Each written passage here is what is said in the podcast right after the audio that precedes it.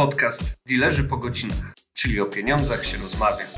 Ciekawe dyskusje i rozmowy o sytuacji ekonomicznej w Polsce i na świecie, o walutach i generalnie o pieniądzach dla każdego. Dzień dobry, kłaniają się nisko dilerzy po godzinach. Z tej strony Adam Fuchs, a ze mną jest Maciej Przygórzewski. I wracamy trochę do tego, co robiliśmy przed Nowym Rokiem, ponieważ tak poczuliśmy, że nie wyczerpaliśmy do końca tematów, czyli chcielibyśmy powiedzieć o tym, co w tym już trwającym roku 23 może się nam przydarzyć. A też mamy dobry punkt wyjścia, ponieważ nagrywamy to 5 stycznia i poznaliśmy dzisiaj najnowsze dane za grudniową inflację w Polsce. Tak, i inflacja spada. Mamy. Prezent na nowy rok. Tak. Jest to też, powiedzmy sobie wprost, te dane powinniśmy poznać na końcu grudnia, bo to są jednak wstępne odczyty. Ale no We nie, wstępnych jakby odczytach nie możemy bo- oczekiwać, że w przerwie międzyświątecznej, prawda? No nie, nie, nie, no to prawda, w. Narodowym Banku Polskim też pracują ludzie, przecież Tak. nikt na te odczyty nie czeka. Yy, mają prawo do urlopów. Ale jest kolejny długi weekend i już dostali, dostaniemy. No to No, ogarnęli przed trzech króli, chwała im. Natomiast no, najważniejszą informacją chyba jest to, i oczywiście ja tu muszę powiedzieć, że to, że się z tego jakkolwiek można ucieszyć, to trochę pokazuje w jakim miejscu jesteśmy, ponieważ w ujęciu rocznym e, inflacja CPI w Polsce w grudniu wyniosła 16,6%. Czyli niemal dokładnie jedną szóstą.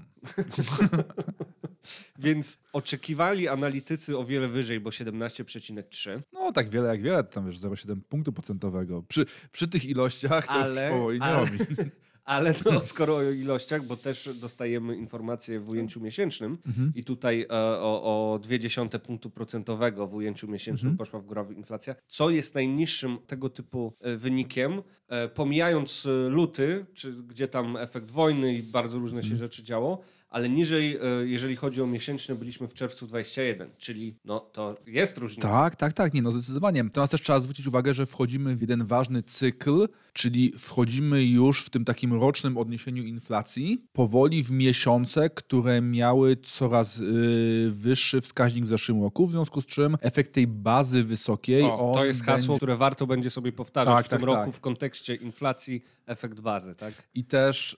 y, Czyli, czyli je- jeżeli możesz efekt bazy, czyli Tak. to, że w zeszłym roku y, już to tempo inflacji było na Tak, tyle no. wysokie. Chodzi o to, że inflacja mierzy się w ujęciu rocznym. Skoro rok temu już szybko rosła i mierzymy już względem tego wysokiego poziomu z zeszłego roku, to ten wzrost będzie trochę niższy. Tak jak wspomniałeś, w lutym był ten dołek przy okazji y, rosyjskiej agresji na Ukrainę i dlatego też wielu analityków spodziewa się rekordowego odczytu inflacji właśnie w lutym, bo w lutym będziemy się odnosić do 8,5% y, wzrostu, natomiast Plus gdzieś efekt zniesionych tarcz antyinflacyjnych. tak, natomiast w marcu 2022 było już 11. No i to jest ten taki moment tak naprawdę, dlatego wielu analityków spodziewa się, że marzec będzie już takim prawdziwym początkiem tej takiej stabilizacji. Zresztą Płaskowy, zejścia z płaskowyżu. zejścia z płaskowyżu, tak, tak, już ro, ro- rozpoczynamy już drogę na dół.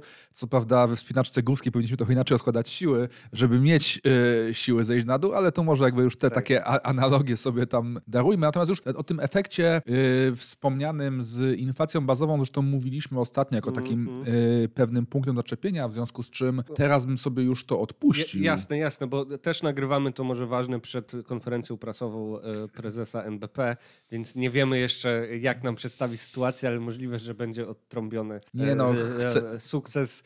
Więc Na e, pewno i, będzie I sukces. otwarte szampany, bo chyba to zapomniałem. Nie no, chcemy nagrać wcześniej, bo i tak prezes skradnie nam show, Tak więc jest, to... tak jest. Natomiast jeżeli już jesteśmy w tej Polsce, w tej inflacji i tak dalej, i mówiąc o roku 23, no to nie uciekniemy od e, tematu, który w pewnym momencie, czy już powoli będzie się stawał najważniejszy, czyli wybory parlamentarne.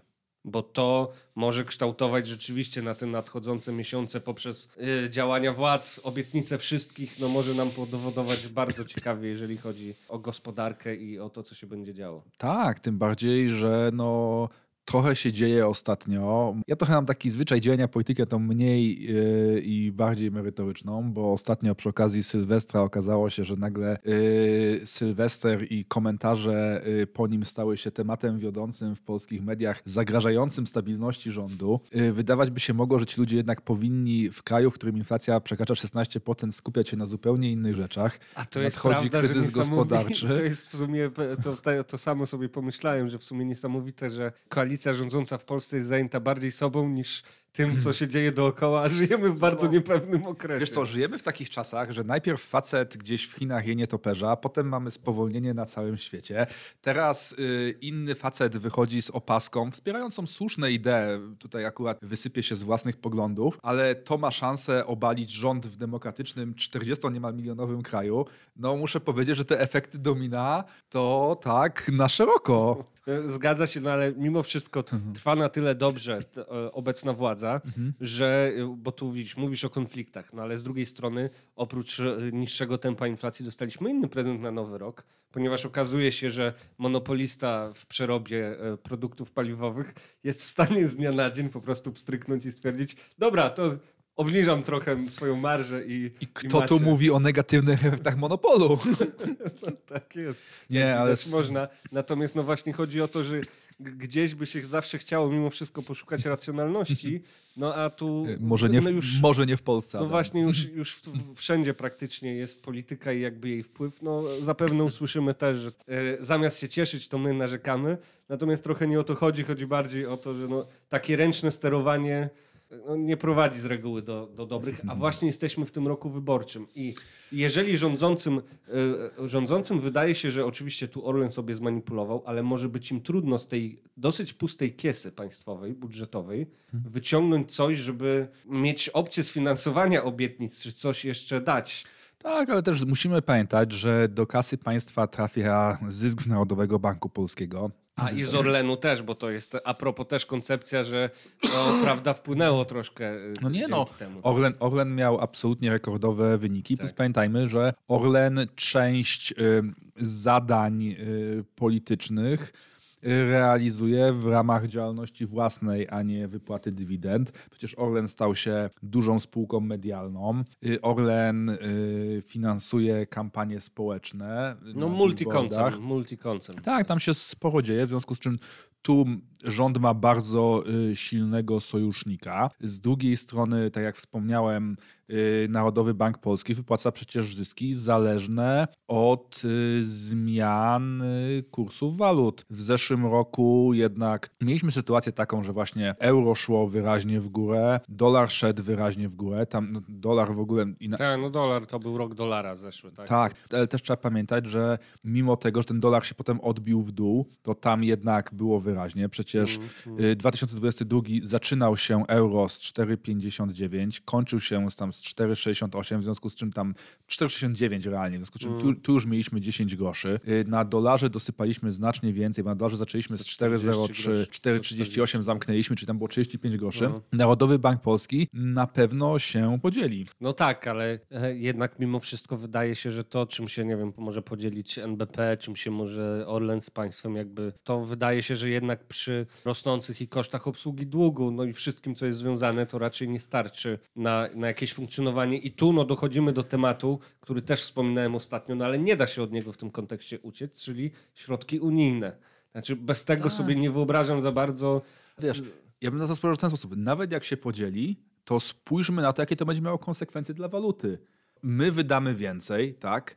W związku z czym mamy kolejne bodźce proinflacyjne. Raczej spowoduje to, że będziemy zakupywać waluty obce, żeby kupić towary. W związku z czym to są wszystko elementy, które będą działać negatywnie dla złotego, nawet w tym scenariuszu, którym wystarczy pieniędzy.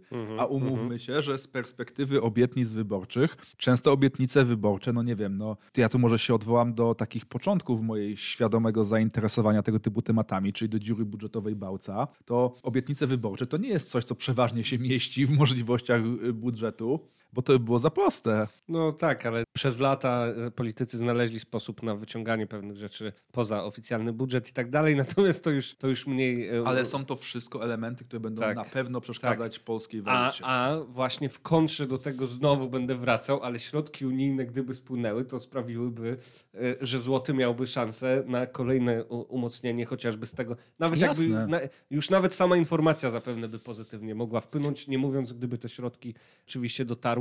No i one mogłyby też być tym motorem przy gdzieś tam prawdopodobnym spowolnieniu, mogłyby być też motorem inwestycyjnym. Więc tutaj no, pytanie, co się może podziać? No i oczywiście też, e, e, jeżeli już o tym złotym, no to obawiam się, że w tej dalszej części roku, im bliżej tych wyborów będziemy, im sytuacja będzie mniej niepewna, bo też sondaże mhm. pokazują, że w sumie to do końca możemy nie wiedzieć, co się stanie, to ta niepewność też ostatecznie może ciążyć naszej walucie, e, przynajmniej walucie, jeżeli nie całej gospodarce. I w sumie, czy będzie zmiana władzy, czy nie, no to będzie wpływało na ten. Co, wydaje mi się, że zmiana władzy to jest jakby jedna rzecz, bo zmiana władzy, nawet jeżeli będzie, będzie bardzo na końcu roku. W związku z czym to mm. będą takie efekty yy, wyraźnie pod koniec. Wiadomo, że podczas kampanii będzie trochę taki no, efekt. Y, ostatni kwartał to ostatni kwartał. Tak, wciąż, tak, no. tak.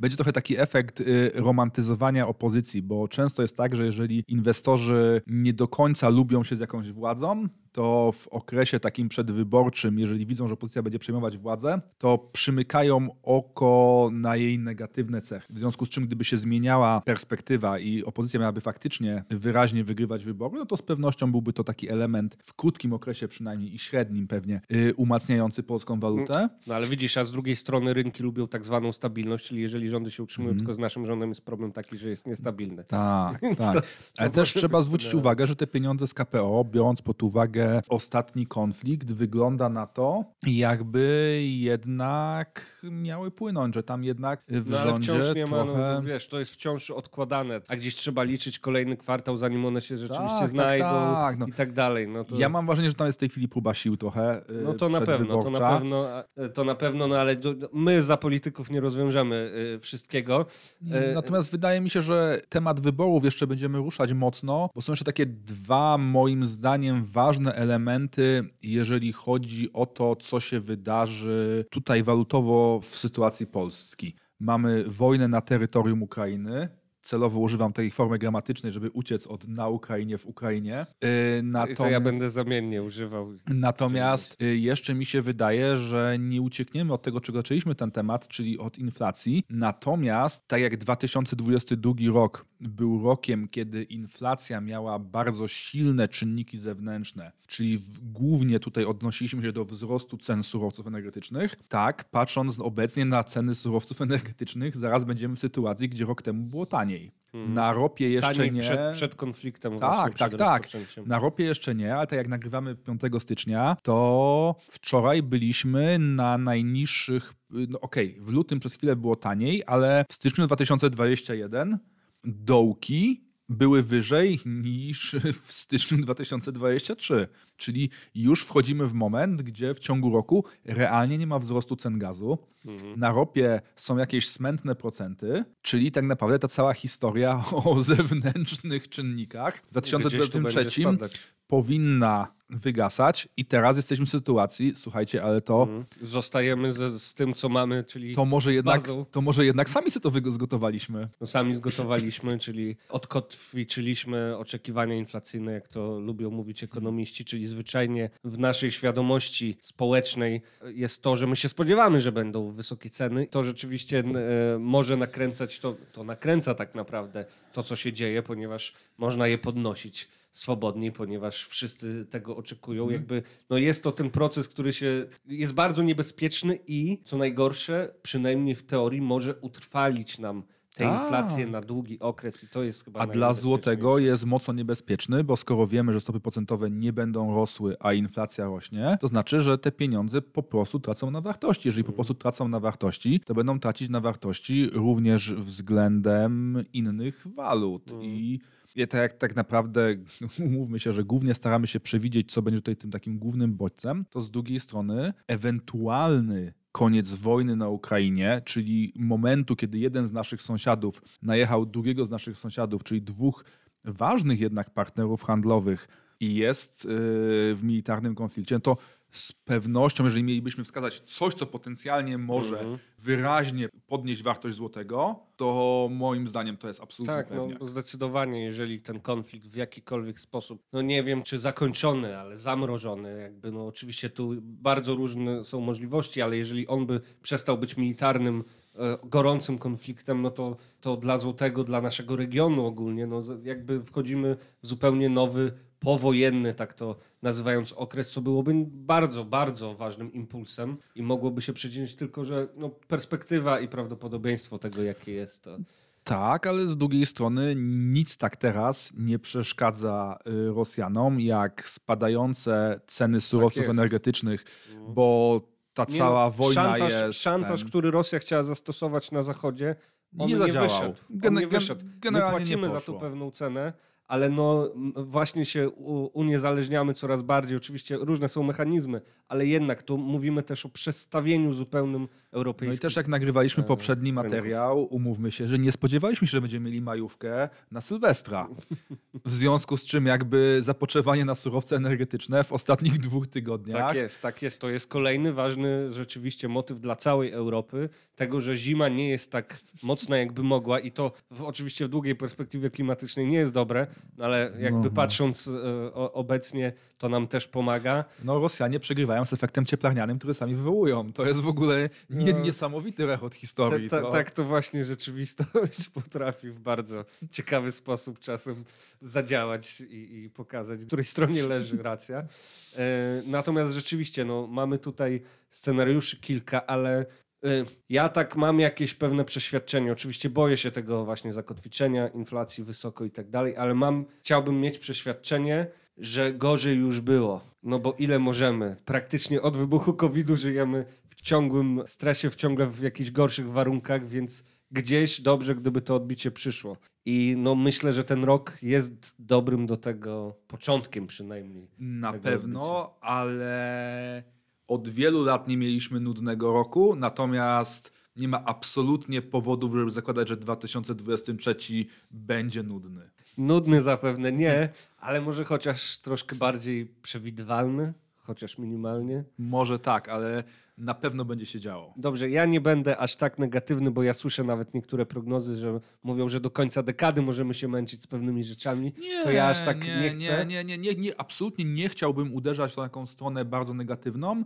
Natomiast moim zdaniem yy, będziemy mieli więcej znacznie ważnych wydarzeń niż mieliśmy jeszcze kilka lat temu, gdzie faktycznie po prostu no jakby mniej było takich globalnych czynników. Czy one muszą być od razu złe? Jest teraz taka moda na takie materiały pod tytułem wszyscy zbiedniejemy, masowe bezrobocie. Absolutnie nie chciałbym iść w tą stronę. Natomiast absolutnie nie znaczy, że no, w mediach nie będzie o czym napisać. No tak, to, to na pewno. Oby jak najwięcej pozytywnych informacji i jeszcze raz na nowy rok pewnie życzymy Państwu zdrowia znowu, bo to Przede wszystkim zdrowia. bardzo się, bardzo się na pewno w tym kolejnym roku też e, wszystkim przyda. I za dziś dziękuję Państwu. Maciej Przygórzewski. I Adam Fuchs. Do usłyszenia.